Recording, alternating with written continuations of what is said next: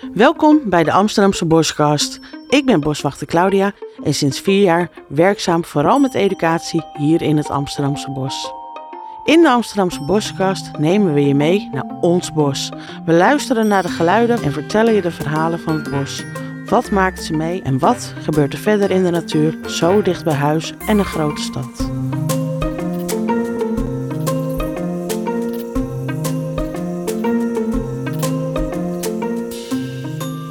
Vandaag gooien we het roer letterlijk om. Boswachter Pieter gaat mij interviewen over de eikenprocessierups. Hoe we deze bestrijden in het bos, maar ook hoe we preventief optreden tegen dit vervelende kriebelrupsje.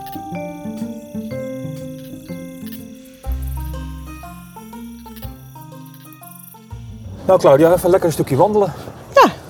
Hoe, ehm, hoe lang ben jij nou bij ons boswachter? Hoeveel jaar ben je er? Ehm, ik denk aankomende augustus alweer vijf jaar. Vijf jaar man. Ja. Het gaat echt hard. Eh, En je hebt in de, in de jaren dat je bij ons werkt, eh, net als iedere, al- iedere boswachter, een, eh, een specialisme ontwikkeld. We hebben allemaal taakaccenten, zoals je dat noemen wil. Ehm, en een van jouw specialiteiten is natuurlijk de eikenprocessierups. Nou, kun jij nou eens aan de luisteraars vertellen wat dat nou is? Wat, wat is dat nou voor beest?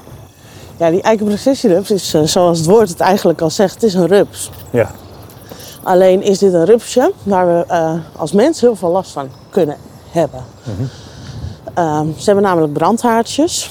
En die brandhaartjes die zorgen voor irritatie op de huid of irritatie eh, op je luchtwegen. ja. Dus ja, die zijn vervelend. En ja, Maar dan moet je, dus zo'n, moet je dan zo'n rups aanraken of wat, wat moet je ermee doen? nee, je hoeft die rups niet eens aan te raken om er last van te krijgen. Want eh, die rupsen die vervellen een aantal keren. En die Ja. haartjes die blijven achter in nesten. Ja. En als er dan een flinke windvlaag komt, kan het zomaar zijn dat die haartjes gaan waaien. Oké. Maar als je ze aanraakt, ja, dan ben je verzekerd van. Ja, eh, dan, ja, dan vraag je erom. dan vraag je erom om last te krijgen. Ja, en in welke tijd van het jaar zijn die, zijn die dieren in het bos? Nou, ehm, die eitjes die liggen er al. En eh, die beginnen nu eh, vanaf begin april een beetje uit te komen. Het gaat eigenlijk altijd samen met eh, wanneer de blad aan de boom, eikenbomen komt. Aha. Want die jonge eikenblaadjes Mhm. en die knopjes, die vinden ze het lekkerst. Oh, dus is dat gewoon voedsel? Dat is gewoon voedsel, ja. Dus eh, die eipakketjes die liggen er allemaal. Ja. Die komen straks nu, misschien wel vandaag met dat mooie weer, komen die een beetje uit. En dan willen ze alleen maar lekkere groene jonge blaadjes eten. En de, ehm, hoe, hoe gaat de boswachterij of de, de organisatie van het Amsterdamse bos? Hoe, hoe, hoe brengen we die, die, al die rupsen in kaart? Nou, we hebben een klein beetje voorsprong, want eh, zoals de naam al vertelt, eikenprocessierups, komen ze vooral voor op eikenbomen. Ja. Dus nou, nou hebben we verschillende eikenbomen in het bos. eh, zomereiken, eh, Turkse eiken, noem maar op. ja. Maar ze vinden eigenlijk al die eiken die bij ons in het bos staan, die vinden ze wel lekker. Dus ja, straks tegen de tijd dat ze wat groter zijn, ongeveer vanaf de tweede vervelling, dan eh, ga ik het bos in met een computer. En dan gaan we kijken in welke eiken die nesten zitten. En dan hangen we dan een eh, rood-wit lintje bij met Ja. pas op eikenprocessierups. Oké. Maar goed, die, ik neem aan dat die, juist omdat ze zo hinderlijk kunnen zijn, dat, we, dat wij als organisatie daar natuurlijk wel iets aan, gaan doen. Ja, zeker. We zijn al eh, jaren bezig met het indammen van de populatie van de eikenprocessierups. Ja. Nou, en daar beginnen we eigenlijk nu mee. Op het moment dat die eipakketjes uitkomen. Dan gaan we namelijk eh, sprayen op bepaalde plekken die heel druk bezocht worden met nematoden. Ja. Met? nematoden. Ja. En eh, die nematoden, dat zijn, eh, worden ook wel aaltjes genoemd. Ja. En dat zijn eenzellige wormen. Nou ja, en die doden die hele jonge, Aha. Dus eh, het- die hele jonge in het eerste stadium. Ja, in het eerste stadium. Nou, en vervolgens hebben we hier in het bos allemaal eh, dingen aangebracht die ook die eikenprocessierups opvreten. Mhm. Maar ook eh, de motjes Oké, zoals? die daar later uitkomen. Nou, we hebben overal in het bos, bos hebben we stinse eh, bollen geplant. Ja. Nou, die stinse bollen die zorgen weer, eh, die trekken bronswespen aan, sluipvliegen, maar ook eh, een sluipwesp of een schildwesp. Ja. En die, leggen, die parasiteren weer in die eipakketjes. Oké. Dus die zitten misschien nog wel voor die aaltjes. Hm. Nou, en verder hebben we overal meesterkastjes opgehangen. Bijna 700 in het Amsterdamse bos. Ja. En in die meesterkastjes, daar zitten allemaal jonge meisjes straks. Ja. En één jong meisje eet tot 200 eikenprocessierupsen. Kijk. Ja, en dan vraag je je af, hoe, waarom heeft die mees daar dan geen last van? Tenminste, dat vond ik altijd. in. Maar die Ja, dat is een koolmees, die, die is slim joh. Die eh, pakt zijn eikenprocessierups uit het nest. Die mept hem tien keer flink op zijn kop, op een tak. Dan springen al die haartjes eraf. Nou, die komen niet door zijn verendekje heen. Mhm. En daarna eten ze ze lekker op. Maar er zijn ook heel veel andere vogels die ze eten. Zoals? Welke vogels doen, doen dat nog meer? Ehm, nou, bijvoorbeeld een hele goede giftige rupseneter. En ook een eh, rups met brandhareneter is de koekoek. De koekoek. De koekoek, Oh, dat ja. wist ik niet. Dat is, eh, die vogel die heeft in zijn maag heeft hij een extra, eh, ja, extra verdikking. Ja. En die zorgt er dus voor dat die, eh, ja, die, die maag, extra maagwand, die versteviging daarvan, die beschermt zijn spijsverteringsstelsel. En al die brandhaartjes die komen er verder daarna weer door middel van braakballen, komen die eruit. Net zoals bijvoorbeeld bij een uil.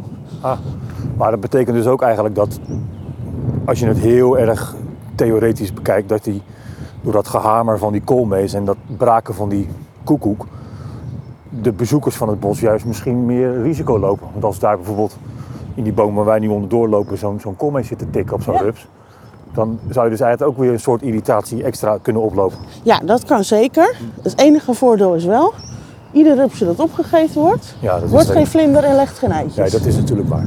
Ja. Dus zo En doorbreken ja, we die cyclus een beetje. Ja. Hey, en, die, en die lintjes die je dan ophangt, dat is, dat is denk ik om de bezoekers te waarschuwen?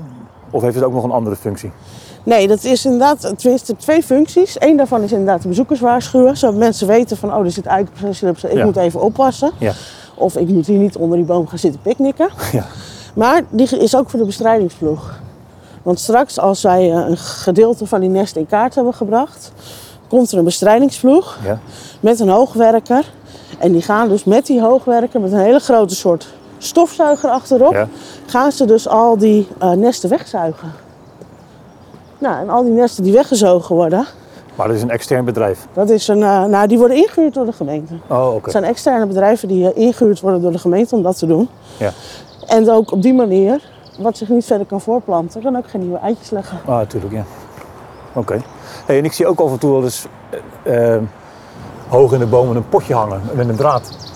Ja, dat klopt. En wat is dat dan? Heeft dat er ook mee te maken? Dat heeft er ook mee te maken. In dat potje zitten namelijk feromonen. Ja. Dat is het geurtje wat de vrouwelijke eikenprocessiemot afscheidt. Ja. En die trekt mannetjes aan, dat geurtje. Ja. Nou ja, en dan kijken we dus hoeveel mannetjes we vangen. En dan weten we ook ongeveer, eh, kunnen we daar aan de hand daarvan een schatting maken van hoe het komend jaar gaat worden met de eikenprocessierupsen. En zo breng je dus iedere keer die plaagdruk in kaart en Ja, weet je wat je doen moet. ja, nou ja, Of tenminste, ongeveer. ongeveer. We weten dat eh, de afgelopen jaar heel weinig mannetjesmotten gevangen zijn.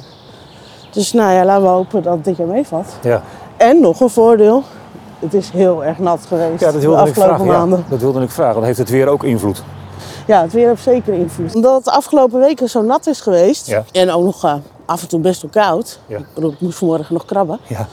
Ja, daardoor die natte en die kou, dat vinden die eikenprocessierupsen helemaal niet fijn. Want dan moeten ze schuilen. En helemaal als ze straks echt wat groter zijn en we krijgen dan nat weer, ja, dan kunnen ze niet eten. Want met dat natte weer kunnen ze niet naar boven kruipen in die bomen.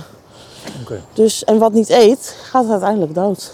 En doen we ook nog iets met, eh, als organisatie of als boswachterij met, eh, met de volwassen vlinders?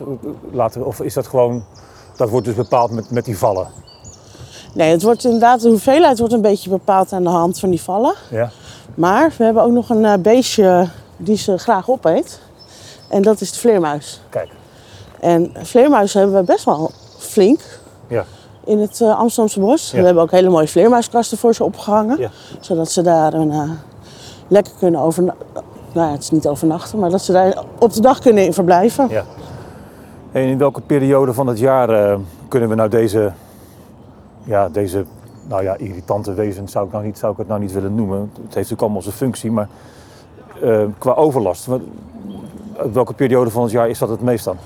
Ja, en de mensen vin- ondervinden het meeste overlast als die rups echt als het derde stadium voorbij is. Dus het derde verde- eh, vellingsstadium voorbij is. Ja. Want dan pas krijgen ze die brandharen. Oh, dan Bij pas. de eerste twee hebben ze die nog niet. Aha, En dat is zo'n beetje eh, eind mei en eh, juli. Juni, juli. Het is echt wel hoogzomer. Ja, echt begin, ja, ja, zomer. Ja.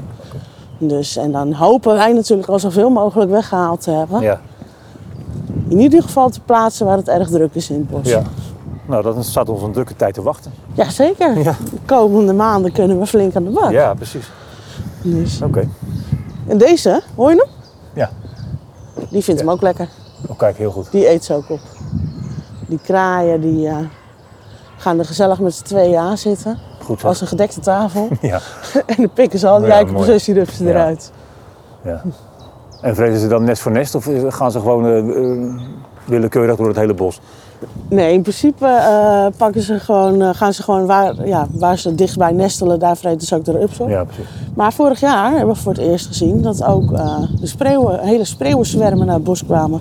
Ja, dat weet ik nog en die fraten ook Ja. eikenprocessierupsen. Ja, klopt. Dus ja, aan, wat dat betreft worden we aan alle kanten door de natuur geholpen. Ja, mooi. ja. Ja. Snel. Hoe komt het nou dat die eikenprocessierups... Want vroeger hoorde je daar helemaal niet zo gek veel van. Maar hoe komt het nou dat dat nou zo'n zo'n hot item is? Nou, dat heeft eigenlijk met eh, twee dingen te maken. We hebben, het, eh, we hebben een goed leefklimaat voor die beesten gecreëerd. Ja? Door overal eh, langs bijvoorbeeld provinciale wegen eikenlanen aan te leggen. Ja? Nou, en onder die eikenlanen, langs die wegen, dat maaiden we ook goed. Ja. Want ja, we wilden een mooi zicht houden op die weg. Ja. Maar ja, daardoor waren er weinig natuurlijke vijanden voor die eikenprocessierups. En verder doet die eikenprocessierups het gewoon steeds beter. Omdat hij zich heel erg goed kan aanpassen aan de omstandigheden. En bijvoorbeeld een eh, eipopje, of een eh, pop van een eh eikenprocessierups, die kan in diapauze gaan. In... Diapauze. Oké. Ja, moeilijk woord, maar Ja. dat betekent eigenlijk dat hij kan wachten met zich verder ontwikkelen. En Aha. dat kan hij wel twee jaar volhouden. Twee jaar? Ja, dus hij kan twee jaar wachten totdat de juiste Oh. omstandigheden zijn. Ja, en dan, eh, als het zonnetje begint te schijnen en het is lekker droog, Ja. dan komt hij uit zijn popje. Ja. En dan eh, hebben we een vlindertje en dan gaat hij eh, alsnog lekker eitjes leggen. En dan hebben we dus zeker nu ook dat het, zoals de berekeningen gaan, steeds warmer aan het worden is. Ja. Dat, dat helpt de groei natuurlijk ook niet. Absoluut. Of eh dat staat de groei niet tegen. nee, dat staat de groei zeker niet tegen, want ze houden echt van een warm en droog klimaat. Ja, precies. Ja. Heb jij verder nog vragen? Nee, het is eh, denk ik een heel duidelijk verhaal. En ik denk dat we de luisteraars eh, weer flink wat informatie hebben kunnen geven over het rijlen en zeilen van het bos. Ja, Dankjewel. ja, top.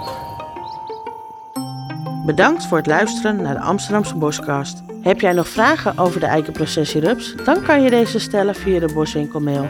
Deboswinkel.amsterdam.nl met in de titel Amsterdamse Boskast.